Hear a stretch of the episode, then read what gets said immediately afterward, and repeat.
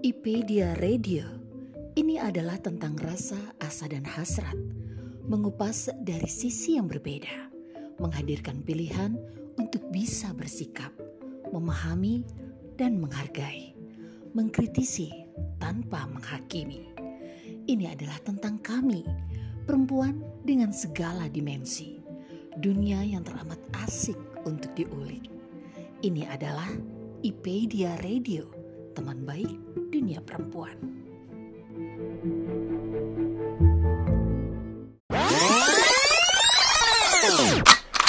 Waduh, pertanyaannya ini dalam banget. Ya terakhir itu pas pas dia pasang ventilator nih itu terakhir. Kalau saya sih suka nulis itu sebenarnya sejak kecil. Uh, saya mau order buat ulang tahun uh, ibunda Bapak Jokowi Februari yang kemarin itu. Itu juga yang dibilang sama ibuku. Hanya orang-orang terpilih yang bisa menjadi suami MS. Serius masih di Rusia berarti tas-tas itu? Iya betul. Kok Bu Mauri nekat-nekatnya sih bikin komunitas? Mereka berbagi tentang dirinya, tentang dunianya. Perempuan-perempuan keren yang penuh inspirasi. Ikuti obrolan seru mereka hanya di Kata Hati, Ipedia Radio, teman baik dunia perempuan.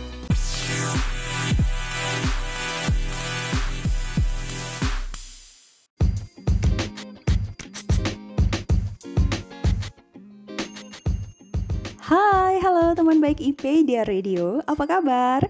Senang sekali saya Reni Handayani kembali hadir menyapa teman baik semuanya tentu saja di program Kata Hati.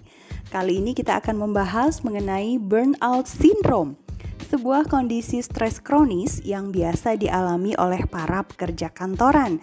Namun ternyata bisa banget loh dialami oleh para ibu yang bekerja di ranah domestik. Coba nih teman baik semuanya diingat-ingat lagi selama ini pernah nggak sih merasakan cemas berlebihan, susah tidur, mudah marah, kelelahan yang berkepanjangan dan tanpa sebab, sakit kepala yang nggak selesai-selesai, kemudian apatis terhadap lingkungan, dan tidak bersemangat melaksanakan aktivitas atau rutinitas harian kita. Jika iya, mungkin teman baik semuanya sedang mengalami burnout syndrome. Sebenarnya burnout syndrome ini akan memberi dampak seperti apa sih buat kita? Apakah seorang ibu yang mengalami burnout syndrome berarti sedang tidak bahagia?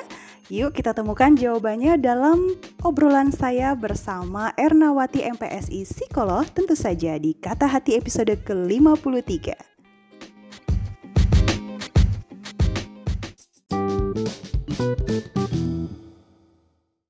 Assalamualaikum warahmatullahi wabarakatuh. Selamat siang Mbak Erna. Waalaikumsalam warahmatullahi wabarakatuh. Selamat siang juga Mbak Reni. Ah, gimana kabarnya Mbak Erna siang hari ini? Alhamdulillah, bahagia, cerah Oh, ceria. Masya Allah, senang sekali ya mendengar kabar Iya. seseorang yang sedang bahagia, cerah ceria di sana. Aku jadi kebawa suasananya sampai sini. Wah, luar biasa. Sepertinya obrolan kita hari ini akan juga penuh dengan ini ya, keceriaan mudah-mudahan setidaknya hasil obrolan kita hari ini akan bisa membawa manfaat terutama buat teman-teman di luar sana yang mungkin saat ini sedang merasakan stres gitu ya, merasakan sesuatu berkecamuk di dalam dirinya yang membuat dirinya jauh dari ceria. Nah, mudah-mudahan setelah mendengar obrolan kita siang hari ini menjadi lebih ceria lagi ya Mbak Erna ya. Betul. Kan Hmm. November ceria ya. Ah, pas bener ya. September ceria, November ceria, pokoknya ber-ber-ber harus ceria ya Mbak.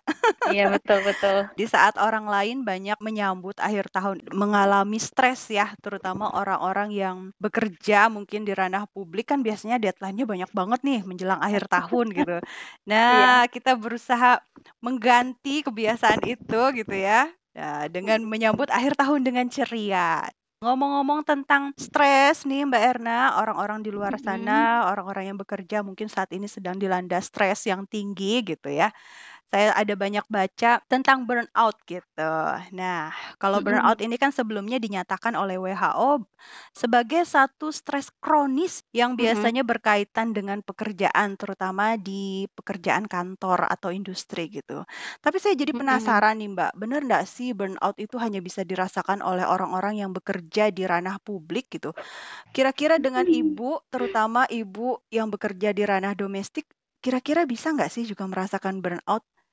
Iya, jadi burnout itu merupakan suatu kondisi yang menggambarkan kondisi stres berat yang Mhm. dipicu oleh pekerjaan. Nah, jadi kalau misalnya kita udah tahu nih, oh kita itu burnout, artinya ada kabar bagus ya gitu, bahwa kita Mhm. tahu stresnya karena pekerjaan, bukan bukan karena hal misalnya hubungan relasi dengan eh, apa keluarga atau yang lain gitu ya. Mhm, mhm. Nah, eh, terus apakah ibu rumah tangga atau ibu yang bekerja di ranah domestik bisa burnout? Jawabannya ya bisa gitu, Bisa karena banget ya. bisa banget gitu kan. Karena ibu rumah tangga juga kan bekerja di rumah gitu. Iya, betul. Tetap bekerja nyuci piring, nyuci baju, ngurus anak kayak gitu kan. Jadi eh, bisa gitu. Bisa ada kemungkinan bahwa ibu rumah tangga juga mengalami burnout. Cuma memang istilah burnout ini sendiri lebih banyak dipakai eh, di perusahaan gitu ya. Di Mhm, biasanya mhm. kalau itu oleh orang HRD atau oleh apa psikolog industri gitu. Tapi bisa bisa ibu seorang ibu rumah tangga bisa saja mengalami burnout. Gitu Mungkin Mbak Reni. Oke, Mbak Erna. Jadi kalau ibu rumah tangga atau ibu yang bekerja di ranah domestik itu eh, bisa dikatakan sedang mengalami burnout itu saat dia merasakan atau menunjukkan tanda-tanda atau gejala seperti apa sih, Mbak? Mungkin kan tidak semua juga ya ibu tuh Mm-mm, eh, mm-mm. menyadari gitu kalau kalau sebenarnya sedang mengalami burnout gitu bisa jadi kayak aduh capek aja gitu atau ya bingung sendiri gitu mendeskripsikan apa sih sebenarnya yang sedang dirasakan saat ini, apa sih yang saat ini aku alami gitu.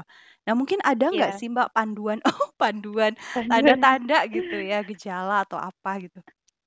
Iya, kalau ciri-ciri burnout sendiri itu biasanya yang pertama itu apa semangat kerja tuh nurun gitu.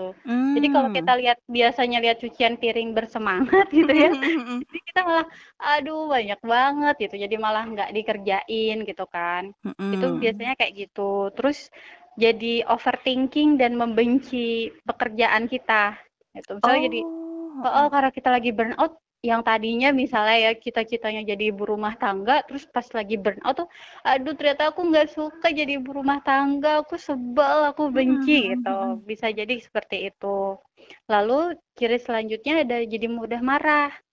Nah Mmm. ini yang mungkin paling sering ya, jadi mudah marah gitu kan. Apa bahasa itunya senggol bacok gitu. Jadi kalau yang Iya. tadinya Mm-mm, yang tadinya misalnya bisa senyum-senyum sama anak ini jadi senggol bacok. Nah, ini bisa jadi salah satu cirinya. Lalu yang selanjutnya itu ada menarik diri dari lingkungan sosial. Jadi ini Mmm, kalau mhm. misalnya di kerjaan sih gampang ya contohnya karena kita banyak sama orang gitu. Misalnya Iya iya, betul. oh kalau misalnya di kantor misalnya makan bareng itu selalu selalu makan bareng pas siang gitu kan. Mhm. Kalau burnout mungkin dia nggak nggak makan siang bareng lagi gitu. Atau kalau misalnya ibu rumah tangga, kalau misalnya setiap sore biasanya apa Ketemu eh tetangga mungkin. heeh, sambil nyuapin anak-anak gitu kan biasanya kan kalau sore gitu kan ibu-ibu. Nah ini dia nggak nggak tidak melakukan itu. Nah itu bisa jadi salah satu eh, ciri burnout. Nah untuk fisik Waduh. Mhm. Heeh, untuk fisik sendiri eh, ada beberapa cirinya gitu ya. Misalnya kayak cari apa? Ini sebenarnya eh, ciri umum ya. Iya. Dalam artian em, apa? Ciri umum stres gitu. Tapi karena burnout ini bagian dari stres, maka bisa juga nih eh, kita menjadikan ciri ini sebagai ciri burnout. Misalnya Mhm. kayak mudah lelah, terus Mmm. sakit kepala, ada gangguan pernafasan gitu kan, terus eh, susah tidur gitu. Nah, itu Mmm. bisa jadi ciri-ciri eh, burnout seperti itu.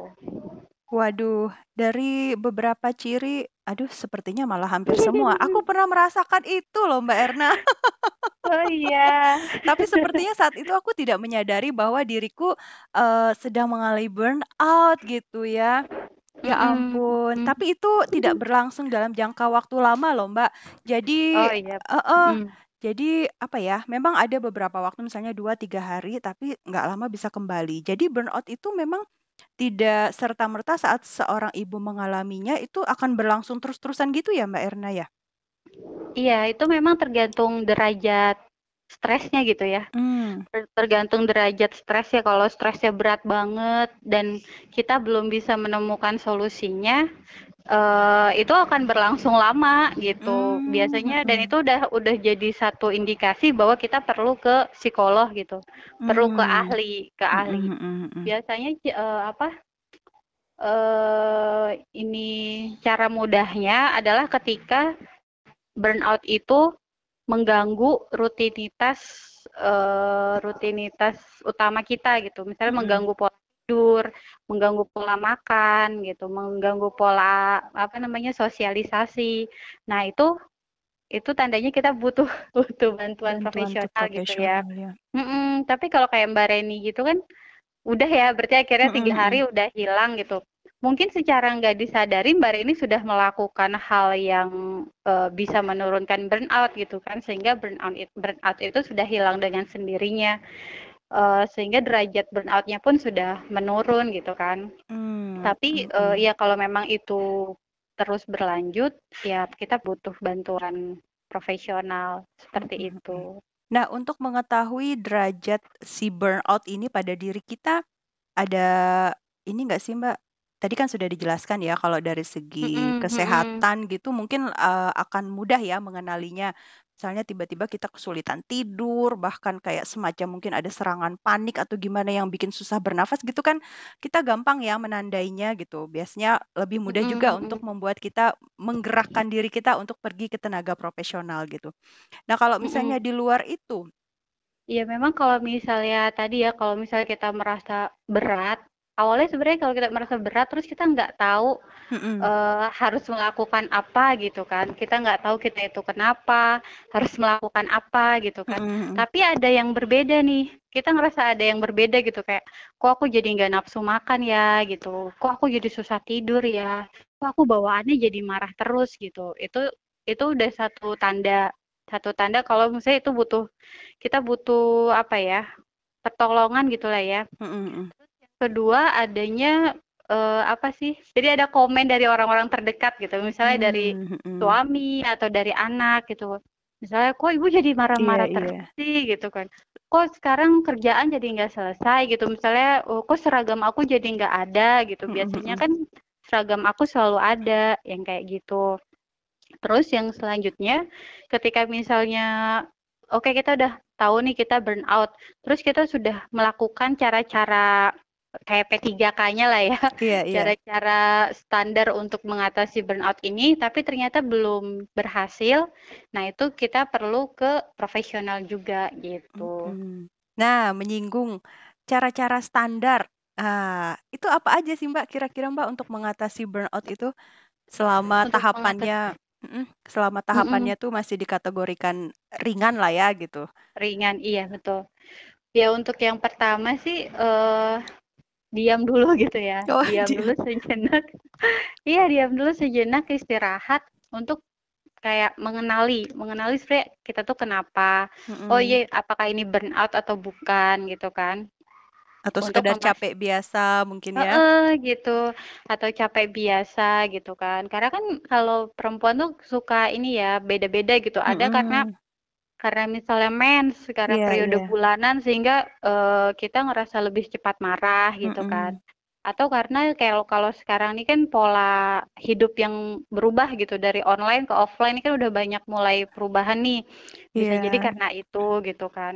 Sehingga kita perlu ini dulu, stop dulu lah, stop dulu, kita tenangin diri dulu, istirahat dulu, eee, baru setelah itu menganalisis diri pribadi. Nah, selanjutnya kita bisa buat prioritas nih, karena ini berhubungan dengan pekerjaan ya, itu kira-kira mana yang harus kita kerjakan lebih dulu dan mana yang penting gitu ya. Kalau di IP kan mungkin Mbak Reni udah tahu ya antara penting mendesak, kuadran-kuadran ya. Dan, nah, iya kuadran-kuadran itu penting dan tidak mendesak dan sebagainya. Sehingga kita bisa uh, apa? Tahu nih oh yang ini yang ini nih energi saya dan perhatian saya perlu difokuskan ke sini dulu. Mm-hmm. Itu yang kedua. Lalu yang ketiga itu kita bisa bicara dengan uh, atasan gitu ya. Sebenarnya kalau di kalau di apa ya namanya? Kalau di kantor ya atasan, mm-hmm. kalau di komunitas leader gitu yeah. kan, leader kita siapa gitu. Kalau di keluarga ya kita bisa berbicara sama penanggung jawab kita lah ya, oh, suami, suami gitu kan, ya. suami kayak gitu. Dan ini uh, ini salah satu tips saya juga sih kenapa mm -hmm. saya bisa survive di komunitas, di kerjaan, di keluarga gitu. Jadi ketika saya masuk ke sebuah sebuah tempat kerja gitu ya, entah itu komunitas atau pekerjaan, saya akan cari dulu siapa atasan saya gitu ya. Mm, siapa atasan saya, siapa orang yang bertanggung jawab sama saya gitu kan. Uh, kayak misalnya di kampung komunitas, oh Uni Eci gitu leadernya gitu kan. Uh, atau waktu pas di klip dulu oh Teh Santi gitu karena saya saya merasa butuh untuk alasan ini gitu. Mm-hmm. untuk alasan ini bahwa ketika nanti saya merasa nggak sanggup atau sesuatu hal terjadi ya namanya juga ibu-ibu kan ya kadang anak sakit. Iya betul anak sakit suami sakit gitu. Nah ini uh, ini saya lakukan gitu kan. Jadi ketika misalnya kita burn out ya udah sampaikan aja gitu. Sampaikan. Misalnya kalau ke suami kayak waktu pas pertama kali pandemi itu kan kita jadi merangkap semuanya tuh ya Mbak Reni ya. Iya. Ya OB, ya guru, ya semuanya gitu. Ya udah sampaikan aja. Saya iya kayaknya aku nggak sempet nyuci deh karena gini gini gini gini. Gimana kalau kita delegasin aja ke laundry bla bla bla bla gitu kan. Itu cara uh, yang selanjutnya. Terus yang ke yang keempat ya, itu bisa dengan menganalisa kondisi badan badan kita gitu. Hmm. Sejauh badan mana kita. kekuatan kita gitu kali ya Mbak ya. Iya. Karena kita ya, bukan gitu. super mom ya Mbak ya. gitu. Atau bisa juga ini kayak menyelidik gitu. Kemarin kemarin saya makan apa ya yang kayak gitu-gitu loh Mbak. Mm -hmm. Oh kemarin saya tuh saking sibuknya nggak nggak sempet makan misalnya. Oh pantesan hari ini saya lelah banget gitu misalnya. Atau oh uh, karena kemarin saya sibuk banget saya nggak sempat olahraga pak. Hmm. jadi pikiran saya mumet ya kayak gitu-gitu. Jadi hmm, hmm, hmm. apa kalau Bu Septi itu bilangnya ilmu niteni niteni ilmu uh, jadi me, me, apa sih menganalisis diri sendiri gitu lah intinya. hmm, terutama berkaitan dengan kesehatan karena yang namanya fisik sama psikis itu kan saling berkaitan tuh. Iya, jadi iya Mhm, jadi kita bisa, "Oh oh kemarin saya karena kurang minum, oke deh saya coba dulu deh hari ini saya sediain misalnya botol 2 liter, jadi saya harus minum ini dulu," gitu, selama 2 liter sehari. Kalau misalnya saya tetap stres, bisa jadi bukan karena masalah air minum ini, tapi masalah yang lain, kayak gitu. Nah, yang selanjutnya kita bisa juga nih cerita kepada orang lain yang dapat dipercaya. Mhm. Uh, ini kata kuncinya sebenarnya orang yang dapat dipercaya ya dan kita dan kita tahu bahwa dia bisa juga membantu masalah kita. Mm. Uh, kalau di rumah siapa ya? Karena kalau di rumah itu uh, kita manajernya. Ke suami lagi berarti ya. Ke suami lagi ya karena suami itu merangkap atasan, merangkap sahabat, merangkap semuanya. Teman curhat. oh, oh betul Gitu. Kalau, uh, kalau misalnya ini bisa juga sih ke ibu gitu ya. Tapi untuk cari solusi, jangan malah memperkeruh gitu. Misalnya ke ibu, "Ma, aku tuh kenapa ya, uh, misalnya gini gini gini gini, dulu mama waktu ngurus aku, kok kayaknya baik-baik aja, kok aku punya anak satu aja udah kewalahan," misalnya kayak gitu. Itu bisa gitu ya. Atau kalau di di komunitas bisa sama sesama rekan kerja yang dipercaya. Mm-hmm. Gitu. Terus uh, kurangi ekspektasi ke diri sendiri gitu. Jadi mm. biasanya kalau lagi burnout gitu pakai metode apa mode gas ya kayak apa rem Kan rem hidup itu- rem mm. Hidup itu antara ngegas dan ngerem. Kalau lagi burnout remnya di, ditarik dulu sedikit. Oke kita kerjain yang eh, penting-penting aja dulu yang nggak penting dan tidak mendesak nanti lagi gitu kan.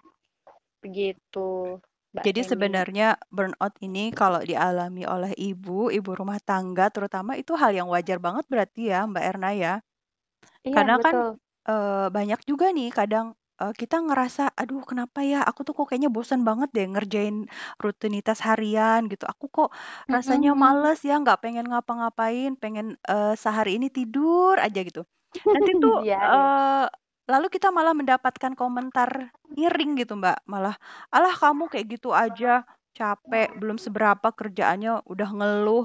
Jadi ibu kan harus kuat, nggak boleh banyak ngeluh gitu. Gitu kan Mbak, kadang kan kita terima Iya. kayak gitu kan. Bikin kita tuh jadi semakin merasa bersalah gitu. Lalu yang ngerasa, oh aku tuh nggak boleh ya kayak gini gitu.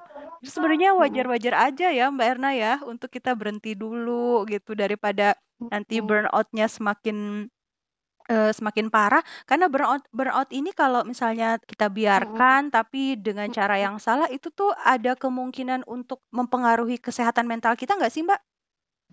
Iya, iya betul. Eh, sebenarnya penjelasan sederhananya tuh kayak ini kalau kita megang pulpen, Mm-mm. dipegang gitu gitu ya. Itu kalau lima menit mungkin gak bakalan kenapa-napa gitu kan. Tapi kalau Mm-mm. megang pulpennya lima hari gitu, kan, tangannya ngegantung gitu, itu kan pegel dan bisa sakit gitu. Nah itu termasuk kayak eh, apa isu-isu kesehatan mental gitu ya. Stres, stres itu nggak apa-apa wajar semua orang bisa mengalami tapi kalau misalnya tidak ditemukan penyelesaiannya itu yang akhirnya jadi penyakit gitu ya penyakit Mm-mm. kesehatan mental itu sendiri gitu jadi nggak apa-apa kadang eh, ada istilah gini kan apa kita mundur untuk maju gitu Mm, iya mundur untuk menang Iya Eh, betul. gitu. nah itu Betul juga betul. berlaku di apa situasi seperti ini gitu Tapi burnout ini berbeda sama depresi ya Mbak Erna ya? Iya, depresi itu udah tahap lebih berat gitu. Kan pertama stres dulu, terus Mm-mm. eh, depresi gitu ya. Depresi itu Mm-mm. kalau udah udah tahap yang lebih berat banget gitu. Jadi Hmm. eh, burnout bisa berubah jadi depresi kalau misalnya tidak Hmm, mm-mm. tidak tertangani dengan baik gitu. Mm-mm, mm. Mm-mm. Tapi apakah seorang ibu yang mengalami burnout itu otomatis juga dikatakan ibu itu tidak bahagia, Mbak? Sebenarnya kalau dibilang otomatis enggak ya, karena eh, apa burnout itu dalam kadar eh, tertentu itu masih wajar gitu, masih wajar. Jadi eh, dan bahagia itu pun jadi wajar gitu ya. Jadi tidak bisa langsung dikatakan dia tidak bahagia sebetulnya. Hmm. Cuman mungkin lagi lagi belum menemukan caranya bahagia aja karena terlalu banyak pekerjaan yang sedang i- dia hadapi seperti Mm-mm, itu. mm-mm. Mm-mm. Nah, kita berbicara tentang kebahagiaan seorang ibu nih, Mbak. Saya pernah baca ya, sepertinya di tulisannya Mbak Erna juga ini, bahwa saat ibu tidak bahagia, maka tidak ada satupun anggota keluarga yang bahagia juga. Nah, itu penjelasannya gimana itu, Mbak Erna?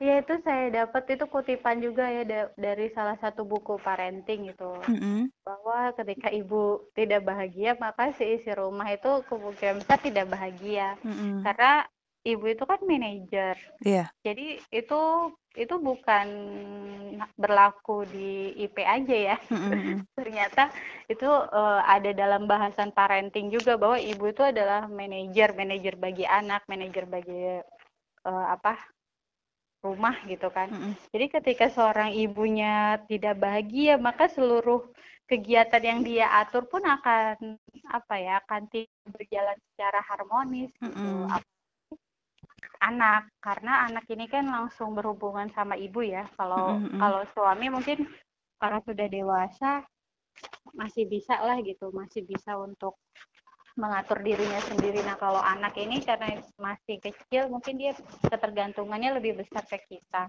Mm-mm. gitu. Sehingga eh, ada lagi satu pendapat bahwa ibu apa anak itu tidak membutuhkan ibu yang sempurna, tapi ibu yang bahagia. Jadi sebenarnya sederhana hidup itu sebenarnya sederhana bahagia itu sederhana hidup itu sederhana. Ketika kita termasuk ibu ya eh, termasuk ibu termasuk bapak termasuk semuanya manusia itu ketika dia bisa mengenali dirinya sendiri itu semua masalah itu selesai gitu. Semua Mm. masalah itu selesai. Eh apa?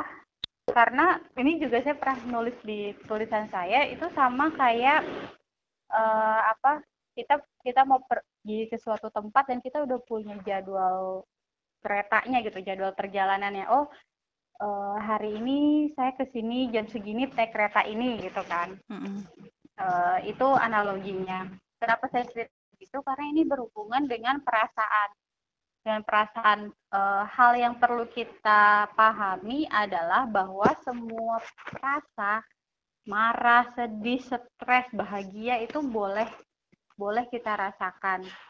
Boleh gitu kan. Mm-mm. Eh, nah, ke- ketika kita bisa paham kalau semua rasa itu boleh, maka kita akan menikmati setiap rasa itu dengan bahagia gitu. Jadi ujung-ujungnya akan bahagia juga gitu kan. Misalnya nih, eh ini misalnya saya, oh, oh saya sadar nih, oh saya stres nih, saya lagi stres nih gitu kan. Mm-mm. Tapi berarti saya tahu jatah stres saya tuh udah saya ambil gitu kan. Mm-mm. Dan saya eh, akhirnya merasa bahagia karena saya tidak bahagia. Jadi agak agak ironis ya bahagia karena tidak bahagia gitu tapi Iya, ya benar gitu. gitu ya Heeh, begitu kan. Karena saya tahu oh ini ini jatah saya stres gitu kan. Beda ketika misalnya orang cuma stres aja gitu. Aduh saya stres kenapa ya saya stres? Terus ujung-ujungnya insecure kan. Mm-mm. oh aduh kayaknya cuma saya doang deh yang stres. Kayaknya cuma saya doang yang gak berdaya bla bla bla bla bla gitu kan. Beda dengan yang saya sampaikan tadi. Ket- ketika kita misalnya sadar bahwa stres itu dialami banyak orang oh nggak apa-apa stres itu Mm-mm. nggak apa-apa burnout itu nggak apa-apa gitu kan Mm-mm. burnout itu nggak apa-apa Eh, ini justru mengajarkan saya untuk eh, mengatasi cara burnout itu gitu kan kayak gitu jadi orang yang bahagia itu bukan orang yang nggak pernah ada sedih, masalah iya Oh, oh, ya gitu Mm.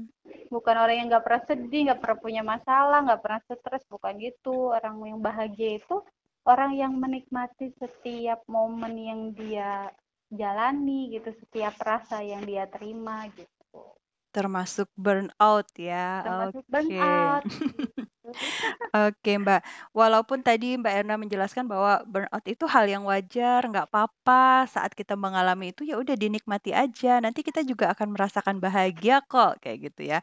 Tapi mendengar penjelasan-penjelasan sebelumnya juga kan bahwa seorang ibu yang mengalami burnout ini eh, sedikit banyak akan memberikan dampak gitu ya di keluarga. Ya taruhlah seperti urusan domestik lah gitu ya, terutama untuk keluarga yang tidak memiliki asisten rumah tangga gitu. Yang biasanya eh, dapur kinclong misalnya gitu ya, masakan Iya. aman gitu, makan tepat waktu. Tapi di saat si ibu mengalami burnout bisa jadi itu semuanya jadi kacau balau gitu. Jadi kalau bisa disimpulkan ya kalau bisa dicegah si burnout ini datang gitu ya atau setidaknya kalaupun datang tidak sampai memberi dampak yang besar di keluarga kita gitu. Kira-kira dengan cara apa aja sih Mbak Erna eh, kita bisa mencegah atau menghandle si burnout ini supaya nggak mengganggu kesejahteraan di keluarga kita gitu? Mm-mm, mm-mm, mm-mm. Iya, sebenarnya kalau burnout itu kan tadi ya eh, berkaitannya sama pekerjaan. Jadi Mm-mm, memang untuk mencegahnya tadi kita perlu mengenali diri kita sendiri gitu kan. mm-mm, Se, se- sebagai eh, sebesar apa sih kekuatan kita gitu ibaratnya. mm-mm, Eh, misalnya, oh ternyata setelah dianalisis nih sehari itu saya cuma bisa nyuci baju sama masak misalnya kayak gitu kan. Oh ya udah berarti kita bisa bikin kayak apa bisa membuat antisipasi ya. Oh berarti saya masaknya ini pakai metode yang apa tuh frozen food itu loh. Oh iya iya betul. Oh, oh gitu kayak dulu food preparation ya, food Heeh. preparation gitu. Mm-mm. Jadi saya dia masak sehari untuk seminggu gitu Mm-mm, kan, mm-mm. gitu. Atau misalnya tadi eh, baju gitu, baju eh, saya cuma bisa nyuci satu hari, seminggu sekali gitu. Oh artinya eh, stok harus banyak gitu kan. Misalnya stok harus banyak minimal misalnya seragam anak harus ada dua gitu misalnya. Ya itu konsekuensi ya gitu konsekuensi. Jadi eh, dengan cara kita mengenali diri sendiri kita akan tahu nih antisipasinya seperti apa. Gitu. Oke oke. nah terus yang kedua kita perlu menyiapkan P3K-nya gitu seperti yang tadi saya sampaikan bahwa burnout, stres, dan berbagai perasaan negatif lainnya itu adalah hal yang alamiah ya dialami oleh setiap orang sehingga kita perlu mengantisipasi dengan menyiapkan P3K-nya. Jadi kita udah tahu nih kalau saya burnout misalnya apa yang harus saya lakukan. Nah, itu kita udah udah tahu duluan gitu. Mm, mm, mm. Misalnya kayak tadi kalau saya cerita ketika saya mau masuk ke suatu tempat kerja, itu saya udah tahu atasannya siapa gitu. Mm, mm. Supaya eh, untuk antisipasi kalau saya mengalami burnout gitu kan. Dan ke suami juga gitu gitu kan. Ke suami juga gitu. Jadi ketika misalnya eh, apa kita burnout sama pekerjaan rumah, suami juga perlu tahu kalau kita punya masa-masa kayak gitu. Gitu. Gitu Oke. Mbak Rit. Mm, mm. Berarti memang eh, untuk pencegahan ya, pencegahan penanganan Hmm. burnout pada seorang ibu rumah tangga itu nggak bisa disamakan eh, caranya ya Mbak ya antara ibu satu dengan ibu yang lain ya, karena Iya, itu betul. tadi masing-masing harus mengenali dirinya, kemampuannya Hmm. sebatas apa, kemudian eh, dari situ membuat antisipasi nih, sekira-kiranya nanti batas kemampuanku ini terlampaui, kira-kira aku harus apa gitu ya jika si serangan burnout ini datang. Kita Iya, harus melakukan betul. apa, seperti itu. Mm-mm, Wow, ternyata unik juga ya si burnout ini ya. Iya, memang. Karena ini ada ada satu kalimat yang selalu saya ingat ya dari Pak Dodik kayak Mm-mm. intinya sesuatu yang sudah pasti terjadi itu jangan ditolak, tapi diterima dengan bahagia gitu kan. Hmm. Makanya ketika kita tahu misalnya oh stres itu ya semua orang ngalamin stres gitu kan. Oh Mhm. ya sudah jangan ditolak tapi diterima dengan bahagia. Oh iya saya sedang stres nih, saya sedang burn out. Alhamdulillah gitu ya. Alhamdulillah gitu ya. Berarti eh, berarti tinggal dicari nih solusinya apa gitu. Nah, itu yang yang Oke. kalimat itu yang penting solusinya apa. Jangan jangan hanya diterima aja Iya, tapi iya. solusinya kita cari. Jangan berlarut-larut kita ya. Boleh kita me, eh, dalam tanda petik menikmati gitu, menikmati burnout yang sedang kita hadapi, tapi jangan berlarut-larut juga ya Mbak ya, karena Iya. namanya kita memiliki peran sebagai seorang istri dan ibu kan ada pihak-pihak lain dalam hal ini suami dan anak yang nantinya juga akan terdampak dari sesuatu yang kita alami atau kita hadapi gitu. Untuk ibu-ibu pesannya jangan berekspektasi terlalu tinggi, jangan mematok eh, standar terlalu tinggi atas diri kita kali ya Mbak ya. Iya, betul betul betul. Sesuaikan dengan kemampuan gitu ya. Oke, heeh, karena banyak juga di luaran sana tuh yang eh, seperti tidak mau dianggap bahwa eh, dirinya tidak hebat gitu sebagai seorang ibu. Dalam arti tidak hebat itu tidak mampu melakukan ini, misalnya mendelegasikan pekerjaan setrika gitu ke laundry. Nah, dia dia tidak siap menerima bahwa itu eh, suatu hal yang wajar gitu, tapi dia melabeli dirinya, wah aku gagal nih sebagai seorang ibu, masa urusan setrikaan aja aku serahkan ke laundry gitu. Wah, oke teman baik semuanya, ibu-ibu di luaran sana, eh, mulai ini ya menurunkan standar. Dalam arti bukan bukan melemahkan diri kita sebagai seorang perempuan dan ibu ya Mbak, tapi ya Iya. memberikan apa sih istilahnya ya, toleransi untuk diri kita sendiri gitu ya. Jangan terlalu Iya. keras dengan diri kita sendiri, seperti Betul betul. itu. Oke Jujur. Mbak Erna, banyak sekali informasi yang saya terima siang hari ini terkait burnout, stres dan ah apalah itu ya. Ternyata banyak sekali hal yang kembali harus digali.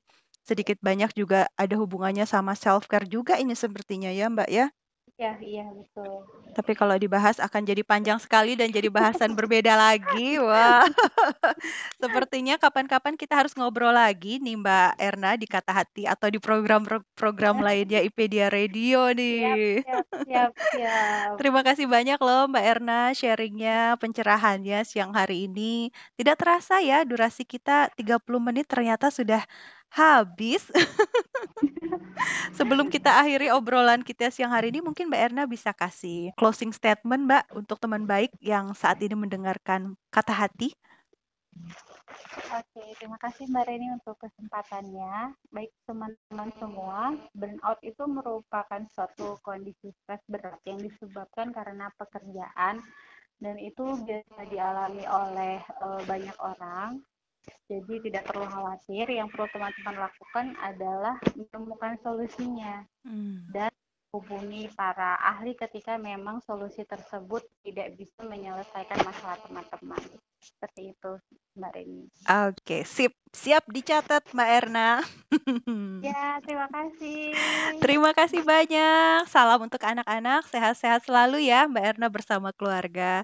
Sampai ketemu Sama lagi. Assalamualaikum warahmatullahi wabarakatuh. Waalaikumsalam warahmatullahi wabarakatuh. Terima kasih telah mendengarkan episode kali ini. Tetap stay tune di IPedia Radio, teman baik dunia perempuan.